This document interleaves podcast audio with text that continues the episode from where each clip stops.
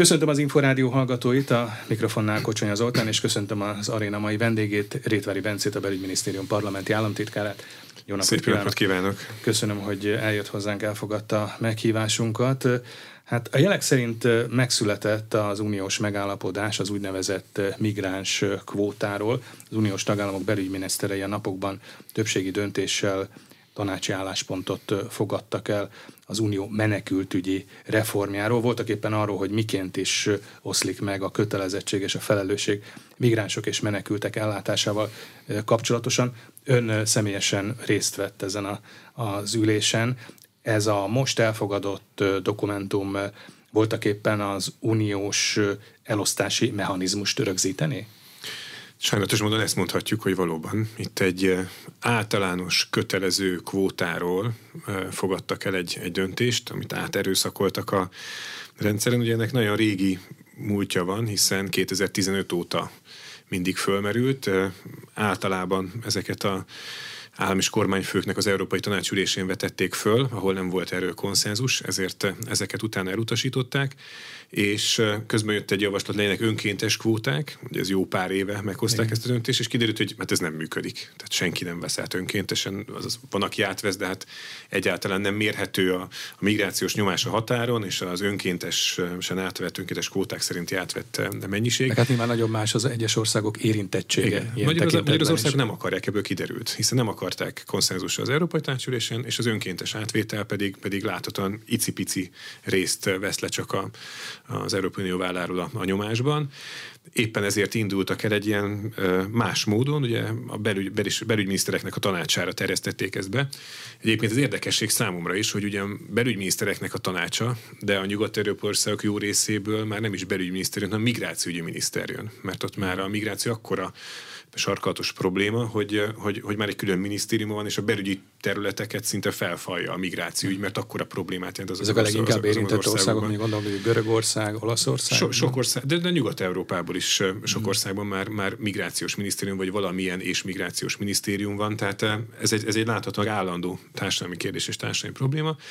Viszont itt egy speciális döntéshozatal van, úgynevezett minősített többség, az azt jelenti, hogy a tagállamok számának az 55%-a és a tagállamok lakosságának a 65%-a kell, hogy valamiben egyet, egyetértésre jusson. Tehát innentől kezdve jó pár országot, akinek ez amúgy a vitális érdeke, alapvető érdeke, hogy a migráció kérdésen mi történik, meg mi nem, le lehet szavazni. Ezért mondjuk, hogy ez egy erőszakos mód volt, mert ugye az Európai Tanácsot, az állam és kormányfőkben a testület elmondta, hogy migráció kérdésében ő kíván dönteni. És azt is elmondta, hogy a Dublini rendszer módosítása, reform, amiről nagyon sokat hallottunk a hírekben az elmúlt években. Ki tartja be, ki nem, mit kell változtatni, hogy ezt ők vinnék továbbra is ezt a témát, és az ő hatáskörük ezt most figyelmen kívül hagyta. De akkor ez most azt jelenti, hogy ez egy kötelezően érvényes határozat már, vagy ennek azért még lesznek további fórumai? Ez egy rendkívül veszélyes lépés, mert megszületett a jogszabálytervezetnek a szövege.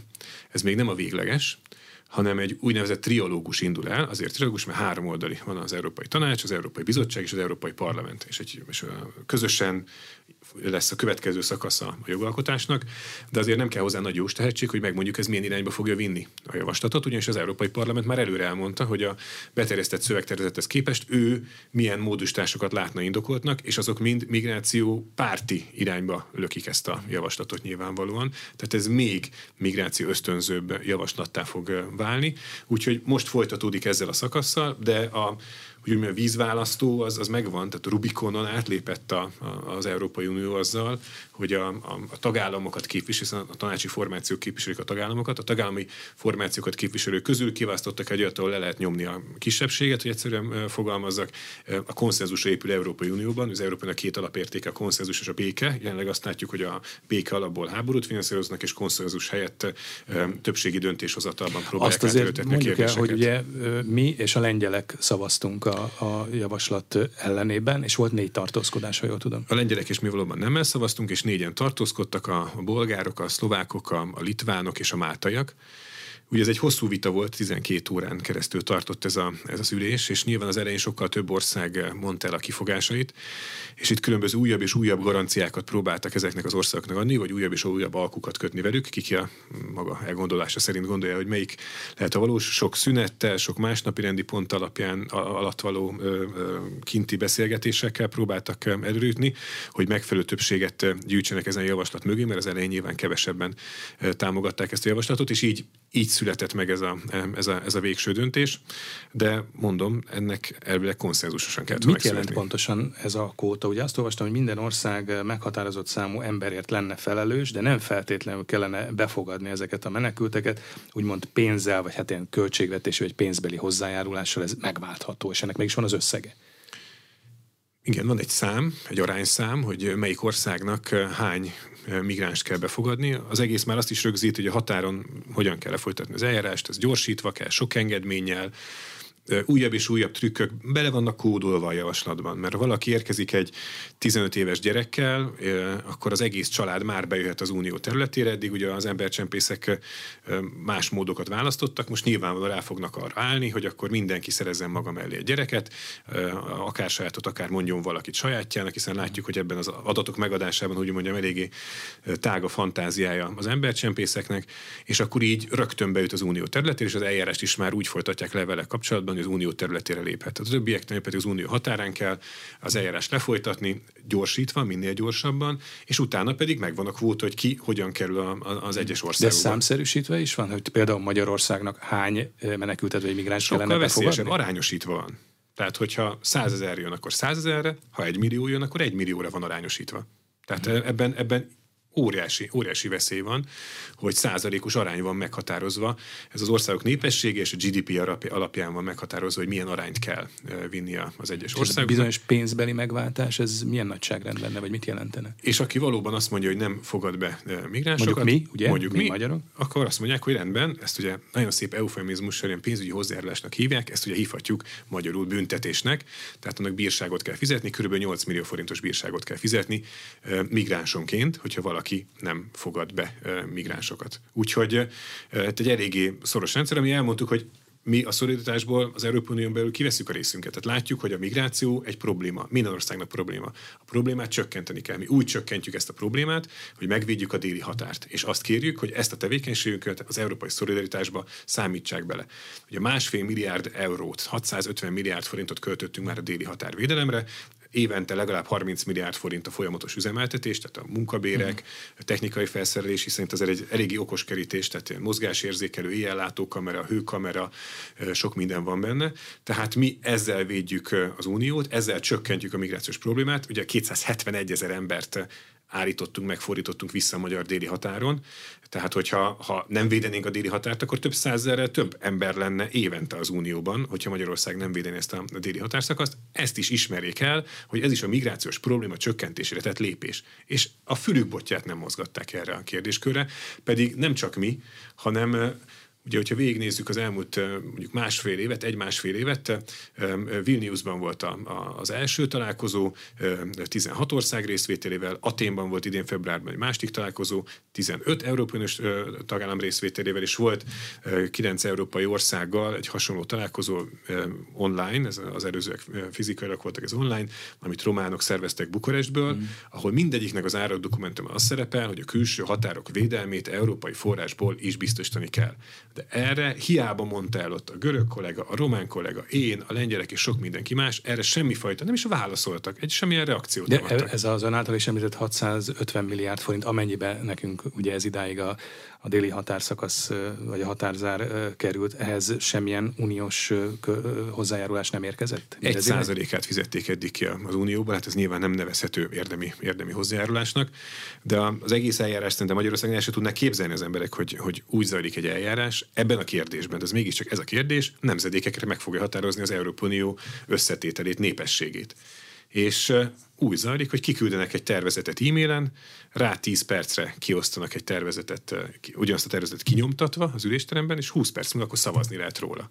Így, így zajlik a döntés az ebben a rendkívül kritikus kérdésben, ami az Unió egyik legégetőbb problémája most. Nyilván a háború a másik ilyen kérdés, de, a, de a, amellett a legfontosabb probléma a migráció kérdése, és így e-mailen és papíron kiosztva, és utána 10-20 perccel rá szavazást elrendelve így, így történik a döntéshozatal. Miközben hát mi azt kapjuk a jogállamiság eljárásban, hogy mennyi egyeztetést kell tartani, mennyi felkészülési időre van szükség, hány szervezettel kell egyeztetni, milyen hatástanulmány van, milyen számítás van, mindenki egyeztessen a saját, vagy itt is egyeztetne valaki a saját tagállamával, stb.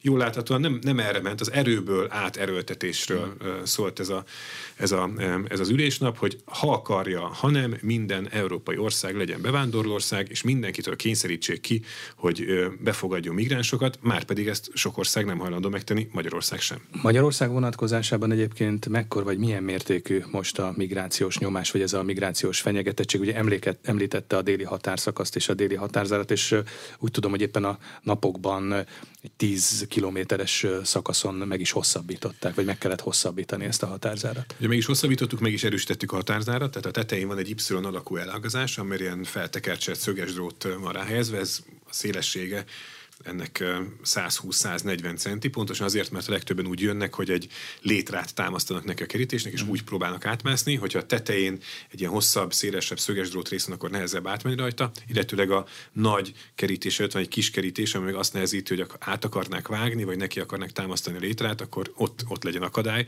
De hát ami a déli határon uralkodik, tehát hogy szétverik az illegális migránsok az autóit a határtörző rendőröknek, határvadászoknak, ahogy megtámadják őket, az még csak az, szint az enyhébb eset, amikor ugye ilyen üveggolyót tesznek csúzliba, és úgy próbálnak rájuk lőni, de hát kések, macseták, lőfegyverek vannak náluk, visznek magukkal könygázt, hogy lefújják az ott levő rendőröket, sőt, hát látszik a felvételeken, mobiltelefonnal veszik az intézkedő rendőröket, hogy utána majd fordulnak a különböző ilyen soros NGO-khoz, akik majd a jogi képviseletüket ellátják, és majd ők fogják a határon törvényesen fellépő rendőrökkel szembeni eljárást elindítani, mert, mert ki vannak okítva arra, hogy mobillal vegye föl az egész intézkedést, és akkor majd, és akkor majd a törvények betartói kerülnek majd a, a vádlottak padjára kvázi, és nekik kell magyarázkodni, hogy miért tartották be a törvényeket, amikről ők csak a déli határt védtek, agresszíven, erőszakkal, rájuk támadó illegális migráns csoportokkal. A szemben. gyakorlat egyébként többnyire az, hogy visszafordítják az illegálisan érkezőket, egyáltalán menekültügyi eljárásra mennyire van esély, vagy ez mennyire bevett gyakorlat? Nem menekült kérelmekkel érkeznek a határa, hanem, hanem, hanem késekkel. Hmm. Tehát és mindenkit a magyar határon visszafordítanak a, a, a magyar rendőrök.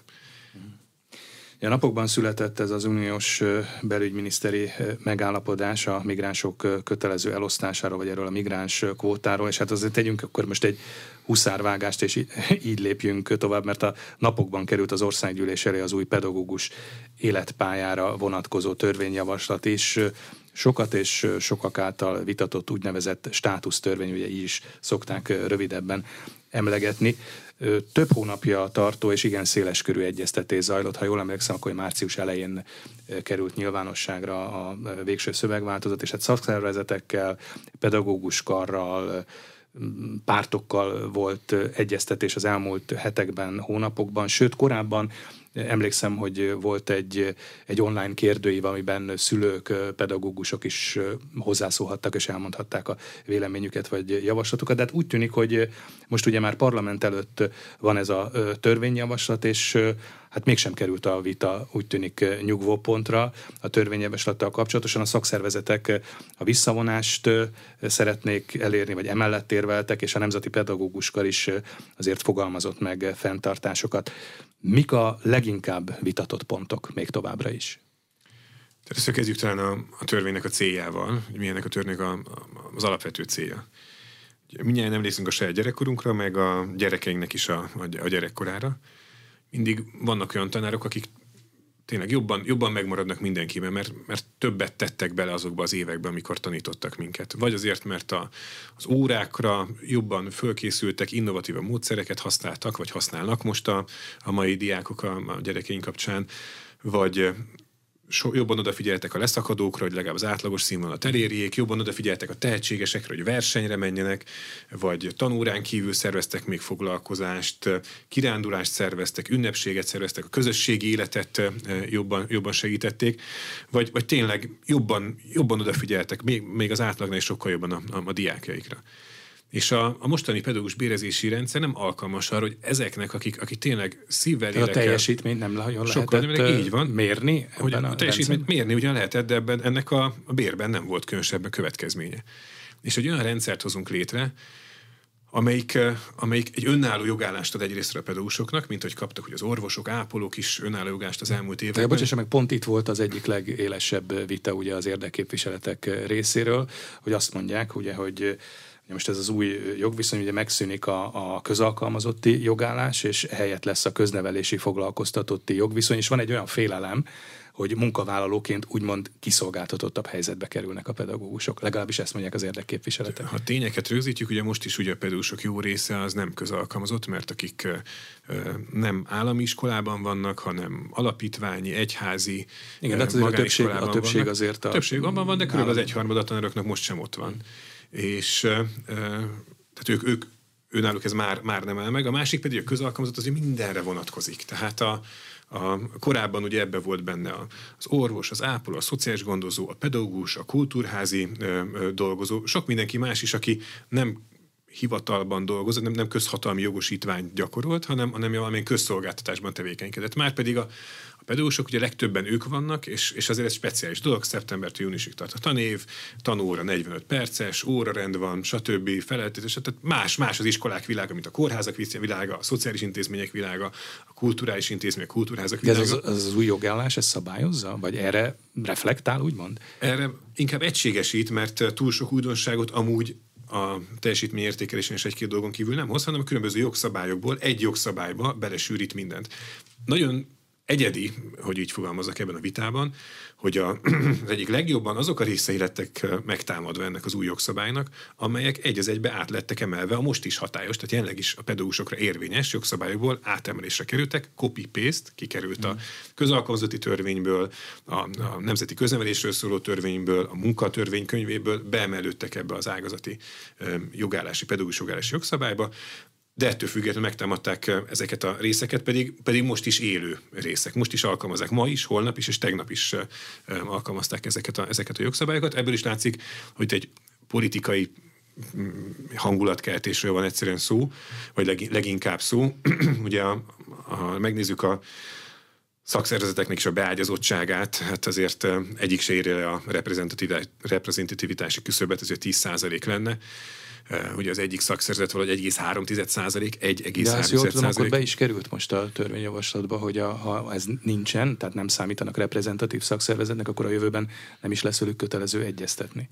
Az egyik 1,3 százalékos, a másik pedig, hogy 5, 5, 5 százalék környékén van, pedig ez 10 százalék fölött volt, tehát 10 évvel ezelőtt, mondjuk a pedősök szakszervezetének nem 9000 tagja volt, hanem 22-23 ezer. De mióta elkezdtek... De ez valóban így lesz, államtitkár úr, hogy akkor a jövőben nem lesz... a megoldást. De mióta elkezdtek politizálni, és nem az érdekképviselettel foglalkozni a politikával, több mint a fele ott hagyta a szakszervezeteket a, a tagjaiknak. Több mint a fele hátat fordított, visszaadta a tankönyvét, kösz, a tagkönyvét. Köszön, köszönte ebből, ebből nem kért. Mi az egyeztetésekben ettől függetlenül bevontuk őket, és a későbbiekben is be fogjuk vonni, nyilván a legnagyobb szakszervezetet. Mindenképpen mindig racionális bevonni, most többet is bevontunk, több szakszervezetet is, csak a, a súlyukat tekintve, és a, és a, a azt, hogy tulajdonképpen kit is, kit is képviselnek, kit is reprezentálnak, nem csak az, hogy keveset, hanem az elmúlt években radikálisan öm, kevesebbet, mert, mert úgy látszik, a, tan- a tanároknak se tetszik az, hogyha ha előbb van a politika, mint az ágazat érdeképviselet, mert nyilvánvaló, az természetes, hogy egy szakszervezetek és egy kormánynak vitája van. Sok, sokféle kérdésben. Ez, ez természetes, de, de az, hogy, hogy, hogy elsődleges az, hogy konfliktust találjanak, és tényleg teljes mértékben valótlanságokat teljes mértékben valótlanságokat nyugodt arccal, fa arccal belemondanak a kamerába a törvényel kapcsolatban, ezért a pedagógusokat is megtéveszti, mert azért azért komolyan kéne, hogy vegye a szakszeret a pedagógusokat, és nem mondhatna valótlanságot az ő arcukba, hogy meg fogják figyelni a pedagógusok telefonját, meg magánéletét, amikor pont az ellenkezője van a törvényjavaslatban, hogy a pedagógusoknak a, a, a, a magánélete az természetesen védelem, védelem alatt van, és, és ami a munkatörvénykönyvben van, a munkahelyi eszközökre vonatkozott, nem? Tehát, hogy a, a, az iskolában használatos laptopot... Igen, hogy valaki dolgozott, nem papíron javítja ki, nem laptopján javítja ki, ahogy meg lehet nézni nyilván a papír, papír dolgozott javítást, meg lehet nézni a laptopon is a, a, a javítást. Tehát csak a iskolától kapott munkaeszköz, és annak is az a része, amit munkára használ, mert azon használ bizonyos részeket személyes dolgokra, uh-huh. az, az nem lehet megnézni. Csak ami a munkával kapcsolatban. De hát ez a gyereknek az érdeke. Uh-huh. Hogyha meg akarjuk nézni, mi hangzott el az órán, vagy mi volt abban a, a, az anyagban, akkor azt meg lehessen nézni. Mert a gyerek azt mondja, hogy valami nem volt benne, a tanár azt mondja, hogy benne volt, hát nézzük meg, akkor a tanár gépén benne volt, vagy nem volt benne. Hát uh-huh. ez nyilvánvalóan ahhoz, hogy a gyerek érdekében el lehessen járni, eh, a, a tananyagba, a tananyagba miért ne lehetne belenézni? Hát a tankönyvbe is be lehet nézni, és nyilván a digitális tananyagba is be lehet nézni, amit a, azon a laptopon tár. És ebből, ebből, azt, ebből azt a hadjáratot vinni a szakszervezetek részéről, hogy itt majd megfigyeli a tanárok magánéletét a, a, a, a kormány meg az állam, ez mutatja azt, hogy miért hagyták ott őket sokan, meg azt, hogy micsoda iszonyat felőtlenség, amit az elmúlt hónapokban csinálnak, amikor álhíreket generálnak, ettől a pedagógusok nyilván megijednek. Hát nyilván ezt valaki meghallja, senki se szereti, hogyha ha, ha belenéznek bár bármilyen magánügyeibe, és akkor ők is azt mondják, hogy hát akkor én milyen kiszolgáltatott leszek, elgondolkozom, hogy akkor ez így nekem elfogadható vagy sem. De ez nincs benne a törvényjavaslatban, és számtalan ilyet is hasonlót a, a munkaidővel kapcsolatban, szabadsággal és sok minden mással kapcsolatban el lehet végigmondani. Majd azért beszéljünk majd ezekről a részterületekről is, de mm, ugye vitás kérdéseket említett, és vitás kérdéseket sorol, de azért vannak olyan területek, vagy olyan részkérdések, ahol azért közeledtek az álláspontok, és mondjuk született valamiféle kompromisszum. Ugyanebben a műsorban néhány héttel ezelőtt vendégünk volt Horváth Péter, a Nemzeti Pedagógus Kar elnöke, és ő valahogy úgy összegezte a dolgot, hogy a, a kormány engedett is, meg nem is. Szóval egy kicsit olyan a helyzet, mint a, a mesebeli királylány esetében, aki hozott is ajándékot, meg nem is. Hát a tárgyalások általában így zajlanak. A két félnek vannak álláspontjai, van, amiben közelednek, van, amiben nem közelednek. Ez, ez a tárgyalások lényege.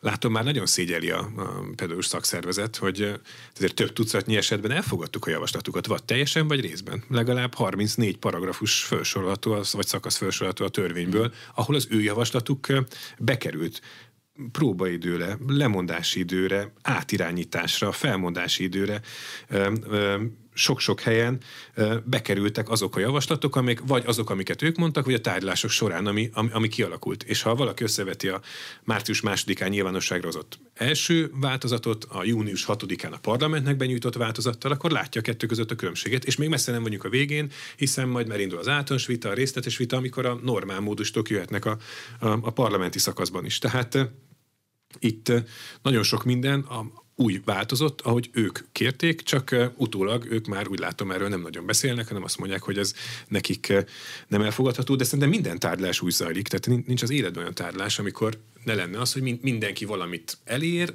amit szeretett volna elérni, valamit meg nem ér el. A kormány is így volt, mert valamiben engedett, meg a mhm. szakszereti is így volt, hogy valamiben átment a javaslata, valamiben nem, meg nem. Ezt hívják egyeztetésnek, ezt hívják érdemi egyeztetésnek. Ugye nyilván a, a parlamenti vita majd most veszi igazán kezdetét általános vita, részletes vita, de ha jól tudom, akkor a, a pártokkal is volt, vagy lett volna egy egyeztetés, akkor érkeztek javaslatok vagy álláspontok? Ez volt a 20. egyeztetési forduló, amikor a kilenc parlamenti pártot hívtuk egyeztetésre. Itt a baloldali pártok részéről egyetlen egy módosító javaslat sem érkezett. Tehát azért ültünk le, hogy akkor vegyük elő, ezen a területen mit javasol. Azon lehet, hogy ezt a parlamenti javasol. vitára tartalékolják, nem? Nem lehet? Lehet, nem tudom. A belügyminisztériumnak, Pintér Sándor miniszternek szokás, hogy minden jelentősebb törvénynél meghívja a pártok képviselőit, és az ő elmondása szerint, én egy éve vagyok ennél a tárcánál, de azt mondta, hogy nem volt olyan törvény, amit ne úgy nyújtott volna be, hogy valamelyik részén az ellenzéki pártoknak is egyik másik javaslatát már beépítette a parlamentnek benyújtott változatba. Úgyhogy ebben a szervezeti kultúrában hívta meg a, a pártok képviselőit. A mi hazánknak volt érdemi, tehát konkrét szabályzás részt tartalmazó módosító javaslata.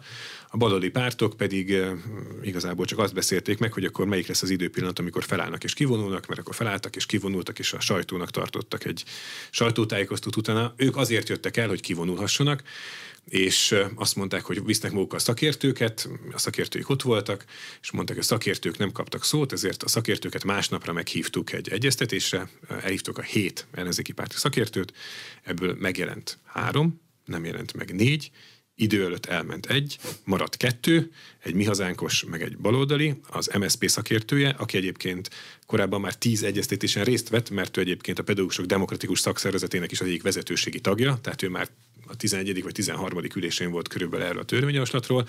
Szóval így maradtak őt ott ketten. Ebből is látszik, hogy ez politika és színjáték a részükről. Amikor amikor ott vagyunk egy kilenc párti egyeztetésen, arról kivonulnak, mert a szakértők nem, nem lesznek meghallgatva, amikor meg a szakértőket meghallgatjuk, a szakértők nem jönnek el, és nem élnek érdemi javaslatétele, vagy aki mondom ott marad, az már mondom tízszer ott volt, mert, mert ő a PDS-nek hát, is akkor lehet, hogy még azért az igazi izgalmak még a parlamenti vita során jönnek, és ugye itt vitatott pontokról volt szó, és ilyen vitatott pont volt ugye a munkaidő és a kötelező óraszám kérdése, ha én jól emlékszem, és többször többször készítettünk interjút szakszervezeti vezetőkkel, nemzeti pedagógus kar képviselőivel, és ők egy jó ideje már szeretnék ezt a fix óraszámot rögzíteni, ezt a heti 22 órát rögzíteni. Úgy tudom, hogy a kormány tartja magát ahhoz a jelenlegi szabályozáshoz, ami heti 22-26 órát rögzített, akkor ebben nem sikerült közös nevezőre jutni.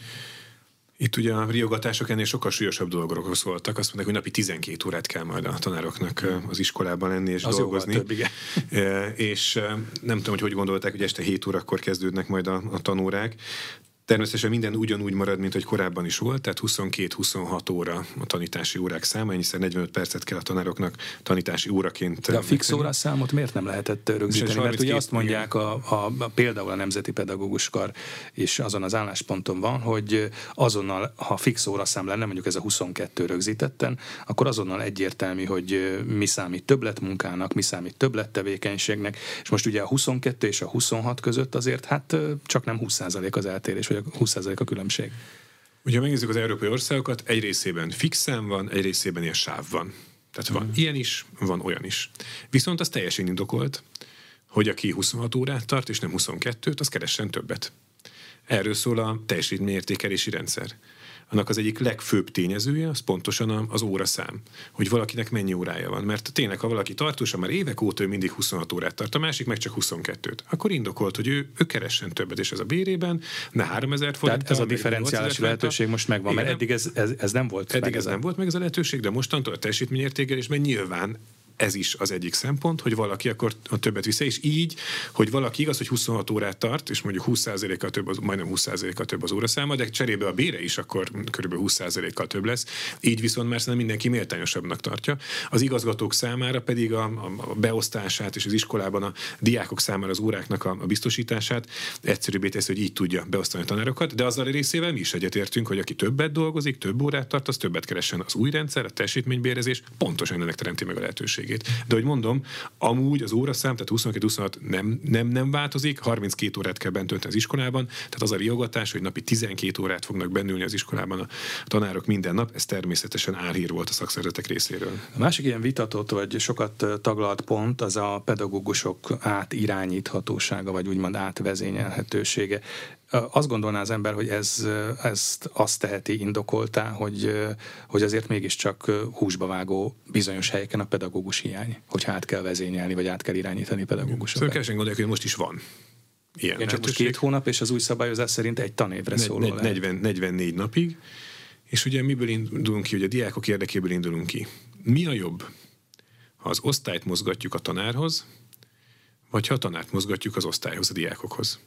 Nyilvánvalóan kevesebb kellemetlensége jár, ha a tanárnak kell ingáznia egy tanévig, mint sem az egész osztálynak kell ingáznia eh, ahhoz, hogy arra az órára elmenjen. De azért ennek megvan gondolom a feltételrendszere, tehát nem arról van szó, hogy mondjuk Budapestről egy matematika tanárt átvezényelnek Mohácsra.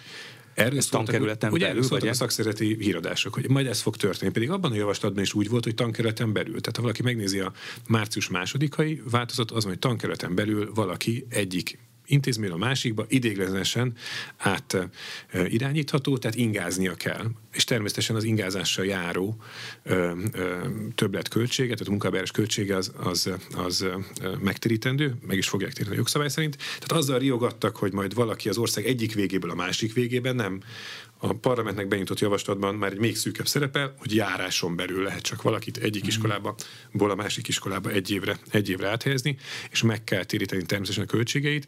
Nyilván itt is megvan a lehetőség. Ez mondjuk az, hogy hát nyilván tömegközlekedést igénybe kell vennie, vagy akár saját autóval kell. Igen. Ugye ez egy nagyobb városban mennie. nem annyira probléma, mert most busszal valaki három megállót megy, vagy hét megállót megy. Hát igen, de ha mondjuk egy kis település iskolájába, vagy egy zsákfaluba kell mennie, mondjuk egy járási központból, az már lehet, hogy gondot igen, a kis településeknél jelent ez, ez, ez többletet, mégis a nagyvárosokban volt nagyobb a felháborodás ezzel kapcsolatban. Tehát egy most is létező jogintézmény az átirányítás, garanciákkal, tehát nem lehet határozatlan időre, nem kell oda költözön, vagy Ez bevett gyakorlat volt egyébként sokakat, mi volt a tapasztalat, hogy sokakat érintett? Ez, hogy sok volt az úgymond átirányított, átvezényelt tanár most, amíg... amíg Egyáltalán nem mondhatjuk, hogy ez, hogy ez általános volt, de a lehetőséget azért kell fenntartani, amivel kezdtem is, mert, mert ne a diákokat mozgassuk, ha lehet, hanem amíg lehet, addig inkább a tanár mozogjon, és ezt a összeget pedig térítsük meg neki, vagy ha tényleg jelentősebb áldozata erre részéről, akkor ezt a teljesítményértékelésben is lehet értékelni, de a diáknak mégiscsak az az érdeke, hogy az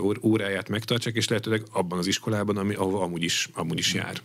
A tanév rendje, vagy a tanév hossza inkább az nagyon érdekes dolog lehet, hiszen blikfangos címeket olvashattunk arra vonatkozóan, hogy akár július közepéig is tarthat a tanév.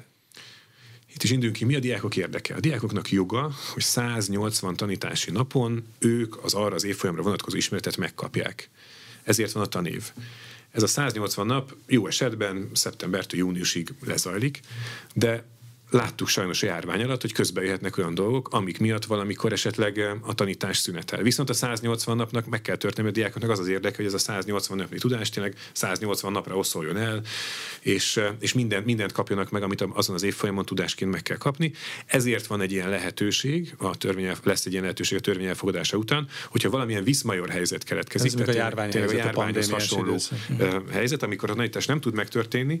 Bizonyos iskolák csinálták azt, hogy szombaton tanítottak, és így pótoltak be bizonyos napokat. Van, ahol ez szimpatikusabb helyben, van, ahol nem, de megteremtjük a lehetőségét annak, hogyha a 180 napból valamennyi még hiányzik, akkor azt június 15-e után még rá lehet húzni, de akkor, hogyha ez az év közben elmaradt, mert ennek a 180 napnak vagy így, vagy úgy, de, de mindenképpen a diákok érdekében le kell zajlani, és ennek tanítással kell telni. Ez mondjuk azért gondolom, hogy ez, ez egy ilyen vészhelyzethez hasonló Abszolút állapot kell, hogy legyen, mert ugye a két év, két tanév lezajlott a pandémiás időszakban, és ott is azért a digitális munkarend jegyében, vagy az online oktatással meg lehetett oldani, nem nagyon kellett ráhúzni a Meg lehetett oldani, azért nyilvánvalóan mindenki látja, hogy azért előnyösebb, hogyha a gyerekek az osztályteremben vannak, és nem a, nem a laptop előtt sok szempontból. Azért rendkívüli helyzet volt. Hála Istennek, hogy sikeresen tudtunk védekezni ebben a szülőknek, tanároknak, diákoknak is benne van az áldozatvállás, vagy Magyarországon hála Istennek, ugye a többlethalazású mutatók is mutatták, hogy hála Istennek a, a jobban védekező országok közé tudtunk kerülni, de ettől függetlenül bármit hozhat sajnos most már az élet. Nem gondoltuk volna, hogy ilyen dolgok történnek még itt a 21. században. Érintőlegesen szóba került már a teljesítmény, a pedagógusi munka értékelése, a teljesítmény értékelés, és ezzel összefüggésben ugye a bérek és a bérezés. Hát itt ugye nagyon imponáló számokat lehetett hallani, akár már a, a parlamenti vitában és egyéb fórumokon is elhangzott az, hogy 2025. januárjára a kormány tervei szerint 800 ezer forint körül lesz a pedagógus átlagbér, ha és amennyiben megjönnek az uniós források. Mi van, ha nem jönnek? Mi mindent elkövetünk azért, hogy megjöjjenek azaz nem is, hogy megjöjjenek, hiszen ez, a, ez egy rossz kifejezés is talán, hogy majd megkapjuk az uniós forrásokat. Ezeket használjuk a mindennapokban, de hát ez a, ez a mi pénzünk, tehát erről mi, mi rendelkezünk, mi dönthetünk róla. Ez a magyar költségvetésnek is egy fejezete, tehát benne van a költségvetési törvényben az uniós források.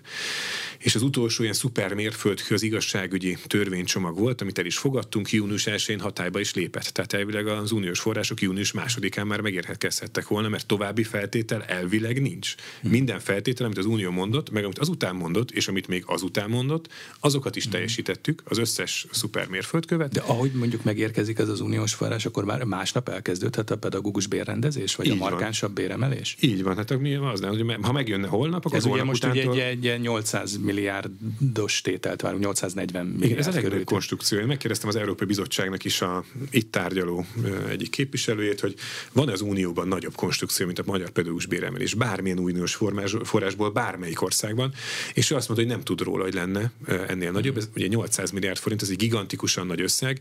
Ennél nagyobb összeget semmire nem szánunk Magyarországon uniós, uniós forrásból. Korábban ugye nem lehetett, vagy inkább azt mondom, nem volt szokás uniós forrásból pénzt fizetni, de itt is a járvány hozta a változást, hiszen a járvány idején az unió ezt kvázi gyakorlattá tette, hogy egészségügyi béreket is lehetett uniós forrásból uh-huh. fizetni, és egészségügyi bért is lehet, akkor nyilván másfajta bért is lehet. Az unió... ez most már egy bevett gyakorlat az unióban? Igen, bizonyos változat... ágazatokban a béremelést, azt, igen, vagy a bérrendezést azt uniós forrásokból fedezik. Mert bérfejlesztés, béremelést. Mert ugye az, úgy furcsának tűnik, hogy mondjuk a taktaharkányi matematika tanár fizetés az brüsszeli források függvénye legyen. De ez hangsúlyozom, ez nem brüsszeli forrás, ez a mi, for, mi források. Értem, elég... de mégiscsak onnan jött, tehát a, a, a kassa az ott van. Az ott van. Hát kettő pedig ugye az Unió minden évben leír az országjelentésében, hogy a pedagógusok bérét növelni kell. Tehát ez egy fejlesztési területként jelöltek az elmúlt években. Bérnövelés, fejlesztési terület. Az Unió maga írta le. Tehát azt mondtuk, van egy fejlesztési terület, van egy fejlesztési forrás. Hát akkor értemszerűen most már kössük össze a kettőt, hogyha járvány óta ezeket eh, most már szokás az Unióban így, így felhasználni. Úgyhogy, ha megjönne ez a, ez a forrásunk, ez a 800 milliárd forint, hangsúlyozom, nincs ennél nagyobb egy, egybefüggő összeg, mint a, mint a pedagógus béremelés, akkor tényleg egy érezhető emelés lenne. Idén akkor ez 561 ezer forint kör, környéki pedagógus átlagbért jelentene, a jövő évben 680 ezer forint környékit, és ahogyan is mondta, 2025-től pedig 800 ezer forint körüli pedagógus Most mondjuk mennyi ez a pedagógus átlagbér, amit, amihez ezt viszonyíthatjuk? Hát bő, bő, bő, bő fele, tehát 75 százalékos mm. emelésről beszélhetünk. Mm, igen. Ugye, hogyha a, a bérendezésről még egy kicsit tovább beszélgetve, azért ugye ezt a 840 milliárdos tételt várjuk, vagy hát ennek a, az érkeztére várunk a pedagógusok bérendezésének tekintetében, de hát itt azért ugye nyilván nem egy egyszeri tételről van szó, lépcsőzetes béremelést említett ön is, az átlagbér indexálását, és hát az, ha Maruzsa Zoltán köznevelési államtitkár beszélt arról ugyanebben a műsorban, hogy ez 2030-ig ez nagyjából ilyen 5000 milliárd forintot jelentene, de ez már ugye nyilván nem uniós forrásokból nem, megy, nem. hanem ez saját költségvetésből. Azért ez egy óriási összeg, 5000 milliárd 2030-ig. Így van, ugye? Erre meg, meg lesz, vagy megvan a előirányozva, mondjuk 2030 az még elég messze van, de... Igen, ugye és a pedagógusoknak azt a garanciát vállaljuk, hogy nem csak, hogy megemeljük a bérüket 2024-ig, hanem utána 24-es szinten tartjuk, ahogy nő a többi bér 24-től, úgy nő a pedagógus bér is egészen 2030-ig vállaltuk ezt a garanciát, és valóban sokkal nagyobb a költségvetési lába, 5500 milliárd forint, mint amennyi az EU-s forrási lába, ez a bő 800 milliárd forint. Most is ugye csak saját költségvetési forrásból fordítottunk erre, hiszen egy 10%-ot a kormány megelőlegezett az idei béremelésből, tehát a, a szűk felét az idei béremelésnek. Ez már ott van a pedúsok bérében, de hát ennél jóval nagyobbra van szükség, mert az árak azért ennél jobban, jobban, jobban emelkedtek az elmúlt egy évben ezért lenne szükség az uniós forrásra. A jövő évi költségvetés tervezetében is benne van, hogy ugyanúgy egy, egy újabb 10%-os megelőlegezés, de nyilván meg kéne jön a saját forrásunk, nem hogy meg kéne jönni, abba kéne hagyni azt, hogy akadályozzák azt, hogy a forrásunkhoz hozzáférjünk igazából. Ez már rég itt lenne, ha nem e, lennének olyan politikai szereplők, elsősorban magyar baloldali szereplők, akik mindent megtesznek azért, hogy ezt akadályozzák, és arra fordítják az energiáikat, hogy megakadályozzák, hogy ezt a forrást megkapjuk. Ha nem csinált volna semmit a magyar baloldal, meg sok brüsszeli baloldali politikus, akkor ez a dolgok természeténél fogva már a magyar pedósok számláján lenne. Ők viszont minden nap újabb és újabb feltételeket követelnek Brüsszeltől, hogy ez ne legyen itt. Ez sokaknak felháborító, hogy, fél, hogy zsebre tesznek 6 millió forintot havonta azért, hogy utána az a saját szerepfelfogásuk, hogy ne keressenek a magyar pedósok 800 ezer forintot 2024-ben, és ők, ők mindent, mindent ez ellen követnek el, újabb és újabb feltételeknek, meg újabb, újabb valótlan vádaknak a hangoztatásával. Sok mindenben lehet vita köztünk, nyilvánvalóan természetesen a politikában mindig vita van, Na, de ennek a kárvalotjai, a, a pedagógusok, hogy ő, ő, ő, nekik nem tetszik a kormány, meg, meg nyilván rossz érzés nekik, hogy már sokat szóra is erős kisebbségben vannak a parlamentben, és úgy állnak ezért bosszút, hogy akkor Brüsszelben, ahol még van valamikor a befolyásuk, mert ott még hallgatnak a magyar oldalra, itt a magyar emberek kevésbé, hiszen nem rájuk szavaznak az utóbbi választásokon, de Brüsszelben egy más világ van, ott egy baloldali többség van, ott ők baloldaliként tudnak érdeket érvényesíteni, és ami maradék érdekérvényesítő képességük van, azt arra használják, hogy ne legyen Magyarországon pedús béremelés. Ezt valaki józanésszel fel tudja fogni, mert lehetne sok minden más célul, célul kitűzniük, de tényleg az a legfőbb céljuk, hogy ne legyen pedús béremelés Magyarországon. Tényleg, ha semmit nem csináltak volna, a legtöbbet akkor használtak volna, mert akkor már több lenne a pedúsok fizetése. Mm. Elhangzott az, hogy egy újfajta sávos és teljesítmény alapú bérstruktúra jön majd, tehát aki többet dolgozik, jobban teljesít, az többet is fog keresni említette is a beszélgetésünk elején, de hát nyilván ez kell egy szempontrendszer is a teljesítmény méréshez, vagy a teljesítmény értékeléshez, és azért ez egy meglehetősen érzékeny terület, hogy miként is mérhető ez, hogy milyen mutatói lehetnek ennek, hiszen iskola és iskola nagyon más, és nagyon más feltételrendszerek, és más, hát nagyon csúnya szó, de más gyerekanyaggal dolgozik. Igen, a diáknak kell legyen valóban a minősítésnek a, a középpontja, és valóban nagyon nehéz meghatározni, hogy mi legyen a minősítés. Ugye az elmúlt években, 2013 óta, ugye a külső minősítőkön volt a, volt a hangsúly. Mm. Ezt nagyon sok kritika érte, és Valóban itt fontos, hogy egyébként itt egy bürokrácia csökkentés is van, mert sokféle minősítés az eltörlésre kerül, önértékelés, külső minősítések az új törvényel. Így például most már nem lesz kötelező az, hogy pedagógus egyből pedagógus kettőbe lépve valakinek, hogy kötelező átlépni, hogy a 7 éven belül és az portfóliót kell leadni. Ez a fajta pedagógus egyből pedagógus kettő minősítésben átlépés, vagy a besorolásba átlépésnél ez is megszűnik. Sokat hallottuk ezt, hogy, hogy mennyien kritizálták ezt a rendszert, és úgy gondoltuk, hogy ezt nem mi fogjuk kitalálni, hogy mi legyen a, a minősítésnek a, a fő iránya elve, hanem megkérdeztük ugye a tanárokat. Ugye először választottak 25 ezeren, aztán 33 ezeren, aztán 18 ezeren. Ilyen széles körű konzultáció sose volt a tanárokkal. Fölvázoltunk több lehetőséget. Ki minősítse önöket? Minősítse, minősítsék a, a diákok jegyei. Ezt kapta talán az egyik legkisebb értékelést. A szülők véleménye.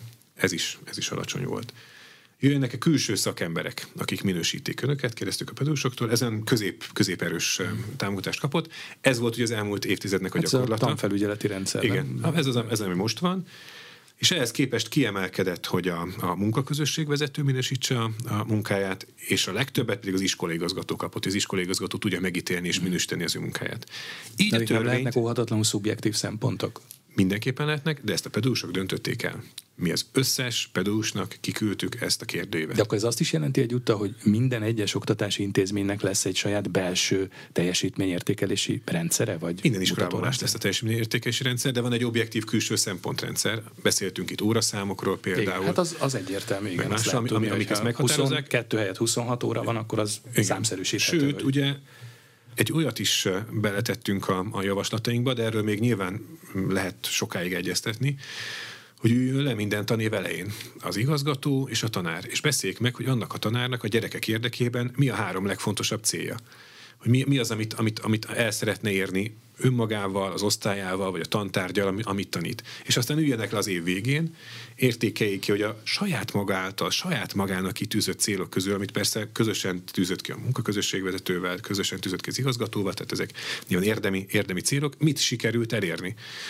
És, és akkor így önmagának állított föl valamelyes lécet, és emellett persze vannak a oktatással kapcsolatos tényleg olyan formai, tartalmi feltételek, amelyek mindenhol valamelyest hasonlóak, de arra tekintettel valóban, hogy nem lehet egy, egy OKTV-n folyamatosan díjakat elhozó iskolát egy hátrányos helyzetű iskolával összevetni, mindenhol másfajta ö, ö, munka, amit, amit tesznek, de szerencsére ezt, ezt tudjuk mérni, ezt a fajta munkát is, ugye az országos kompetenciamérés már nagyon sok tanév óta megy, és abban látszódik, hogy van, aki nyilván egy, egy, egy olyan gyerek csoporta rendelkezik, aki, aki otthonról többet hozott, van, aki, annal, aki kevesebbet hozott, de mennyit adott hozzá, azt most már tudjuk évről évre is mérni, meg négy év alatt is, meg nyolc év alatt is, meg az hat év alatt is mérni. az előző évekbeli teljesítményéhez lehet mit mérni. hozzá a gyerek tudásához. Nem az, a gyerek otthonról mit hozott, hanem a gyerek az iskola mit, mit adott hozzá. És ebben egyébként le a kalappal a magyar tanárok előtt egyébként, hogy a PISA méréseket sokszor szokták idézni, általában azt mondják, hogy romlik az eredmény, hála Istennek az utolsó két mérést összevetjük, akkor javult,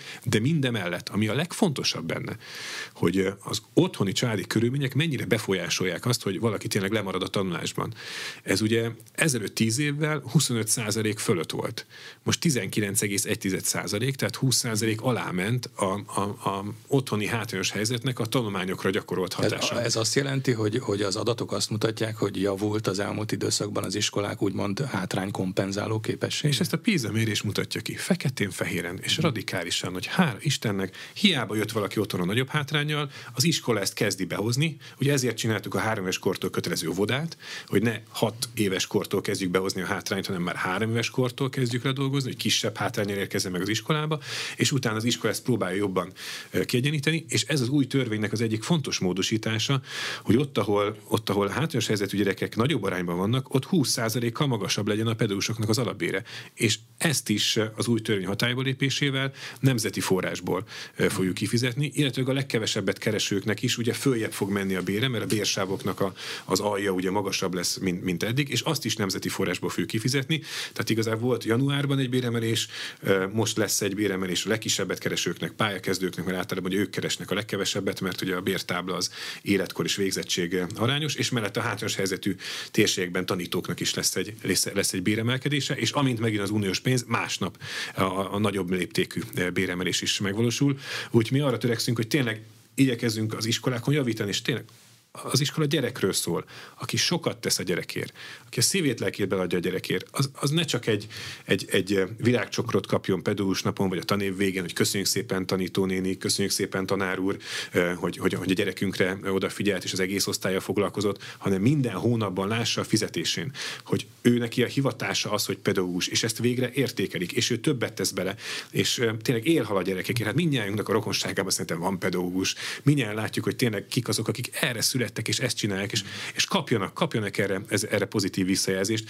Ezért nem értjük azt, hogy korábban szinte minden szereplő támogatta ezt a teljesítményarányos bérezést. Tehát aki többet foglalkozik a gyerekkel, többet keresen. Furcsa, hogy politikai most ezzel, ezzel, ezzel szembe mennek, és a, és a korábbi álláspontot védik, mert mégis ugye azt szeretnénk, ha a legjobbak maradnának a pedagógus pályán. Ugye nem a pedagógus pályára jelentkezésnél van probléma, hanem... Hát azért ott is volt. Most nem, ugye az, elmú, a, az idén nőttek a felsőoktatásba jelentkezési arányok azok magasabbak lettek, többen jelentkeztek egyébként pedagógus képzése is, bár ugye sokak szerint azt mondják, hogy ennek a hátterében azért az van, hogy a jelentősen könnyebbek lettek a feltételek, ugye nem kell, nincs pont határa tovább tanuláshoz, nincs kötelező emelt szintű érettségi, tehát nyilván ez is lendítette a felsőoktatásba, vagy a pedagógus képzése jelentkezők számára, de, de az azért számokat. érdekelne, hogy igen. Nézzünk számokat. 2000, mondjuk 20 éve állami pedagógus képzésre felvettek száma 3872.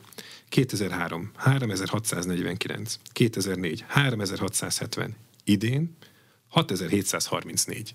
Mm. Hát ez egy markáns, markáns Volt közte. De ez nem lehet, hogy azért a könnyebb feltételrendszer... Nem, van a statisztikában egy emelkedés a kettő között amikor bevezették a baloldali kormány idején, hogy nem egységes osztatlan 5 éves képzés van, hanem 3 plusz 2 éves BA, MA osztott képzés. Akkor valóban többnek tűnt a felvettek száma, de nem a diákok száma nőtt, hanem a felvételik száma.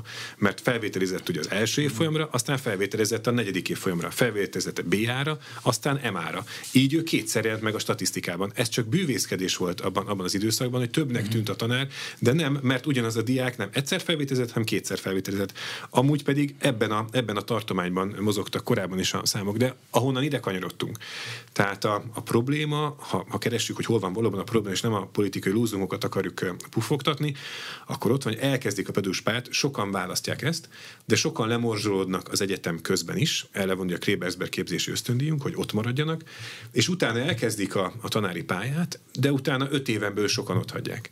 Ez a mostani életpálya, ez egyrésztről a fiataloknál lesz leginkább érezhető, ott lesz a legnagyobb béremelkedés, mert eddig azt számított a bérben, hogy egyetemen vagy főiskolán végzett valaki 10, 20, 30 vagy 40 évvel ezelőtt, és amúgy pedig 10, 20, 30 vagy 40 éve van a pályán, mert úgy emelkedett folyamatosan a bér az életkor előre haladtával. Most viszont ez, ez, ez nem nem, nem az életkor ez a legfőbb szempont, hanem a, hanem a teljesítmény. Tehát a fiataloknak jobban tud nőni a bére. Tehát amit szeretnénk, amit mindenki mond, és egyébként nem csak mi mondjuk, hanem amit Németországtól Hollandiáig mindenhol problémaként látnak, hogy nem előnyös a korfa, pedagógus társadalomban sem, és az egész társadalomban sem. Tehát, hogy minél több fiatal maradjon a pályán, ösztözünk minél több fiatalt a pályára, az pontosan teljesítmény arányos bérezés hozza magával, mert nem kell neki 20 évet várni, hogy jól keressen, hanem hogyha ha ő a legügyesebb tanár, ő a legjobb tanár, ő, ő tesz a legtöbbet a, a gyerekekért, akkor annyira kimagasló bért fog kapni, hogy ott tud maradni. És nem 10 meg 20 ezer forinttal lesz bér előnye másokhoz, vagy az átlaghoz képest, hanem 100 ezeres nagyságrendben lesz több, több keresete. Ez tudja a korfát javítani. Ez tudja megoldani azt, hogy holnap, meg holnap után is legyen tanár, mert hála Istennek nagyon sokan, több ezeren tavaly is ugye 6734-en szerettek volna tanárok lenni, és be is, be is jutottak a, a felvételin. Ő, az ő javuk javarészük el fogja végezni ezt a képzést, de utána egy olyan perspektívát kell kínálni, hogy már pályakezdőn is jó, jó keresete lehet, és ez az új pedagógus életpályatörvény, és ez a gyerekek érdeke, hogyha valaki fiatal tanár, de jó tanár, középkorú tanár, de jó tanár, idős tanár, nyugdíjatárú tanár, de jó tanár, akkor ő keresne a legtöbbet, és őt tartsa meg a pálya. Ne, ne, ne más szempontja legyen, hanem az, hogy aki tényleg a gyerekekért sokat tesz, annak, annak, annak megtartó legyen, er, erő legyen, legyen a bér. Ezzel tudunk igazából javítani a, a parlament előtt tehát az új pedagógus életpálya törvény, viszont ha jól tudom, akkor nem tárgyalja sürgősséggel a parlament, mégis mi lehet a menetrend, megszülethet az új törvény még a június-július időszakban. Gondolom ez azért is lenne fontos, mert akkor már ez szerint indulna a következő tanév. Ugye fokozatos lesz majd a, majd a hatályba lépése, nyilván ez egy nagy munka mindenkinek az átsorolása. Valóban egy nagyon hosszú egyeztetés volt, mert az előkészítő egyeztetés is fél évig tartott, aztán a törvényjavaslat szövege óta három hónapig tartott, most a parlament egy pihentető szakaszban van, már be van nyújtva, de nincs még tárgyalva. Elkezdik a tárgyalását teljesen normál menetrendben, így lehet elfogadni itt a, a nyár derekán ezt a törvényjavaslatot a, a parlamentben, és akkor fokozatosan tud hatályba lépni, és bízunk benne, hogy ezzel párhuzamosan előbb vagy utóbb alább hagy a, a baloldalnak is a, a, a furkálódása ott Brüsszel házatáján, és, és vala, valamikor a minél hamarabb a pedagógus bérem és fedezetés megérkezik, mert a kettő együtt működik igazán jól, hogyha egy nagyobb bérnél lehet egy, egy, egy teljesítménybérezést vinni. Az első év ugye az egy olyan év, hogy visszajelzést kap a tanár, hogy a teljesítmény értékelése milyen, de akkor még a, a bérét nem befolyásolja. Most már egy olyan év van, amikor pár tucat iskolában kipróbáljuk ezt a teljesítményértékelési mm. rendszert, tehát most egy kis csoportban, vagy kisebb iskola csoportban kipróbáljuk, mindenféle kisebb, nagyobb iskola, budapesti vidéki, tehát ilyen reprezentatív mm. szerint, hogy mik, mik az első tapasztalatok kis létszámban, utána teljes iskola rendszerben, és a rákövetkező évben lesz csak ennek a, a bérekre mm. hatása, pontosan azért, hogy fokozatosan, ha bármi hiba van benne, az kiavítható legyen, de térjünk át arra a rendszerre, amelyik gyerekközpontú, mert aki a gyerekkel többet foglalkozik, azt sokkal jobban elismeri. Köszönöm szépen a tájékoztatást. Az elmúlt órában Rétvári Bence, a belügyminisztérium parlamenti államtitkára volt a vendégünk itt az arénában. A műsor elkészítésében Módos Márton főszerkesztő vett részt. Én Kocsonya Zoltán voltam. Köszönöm, hogy velünk tartottak.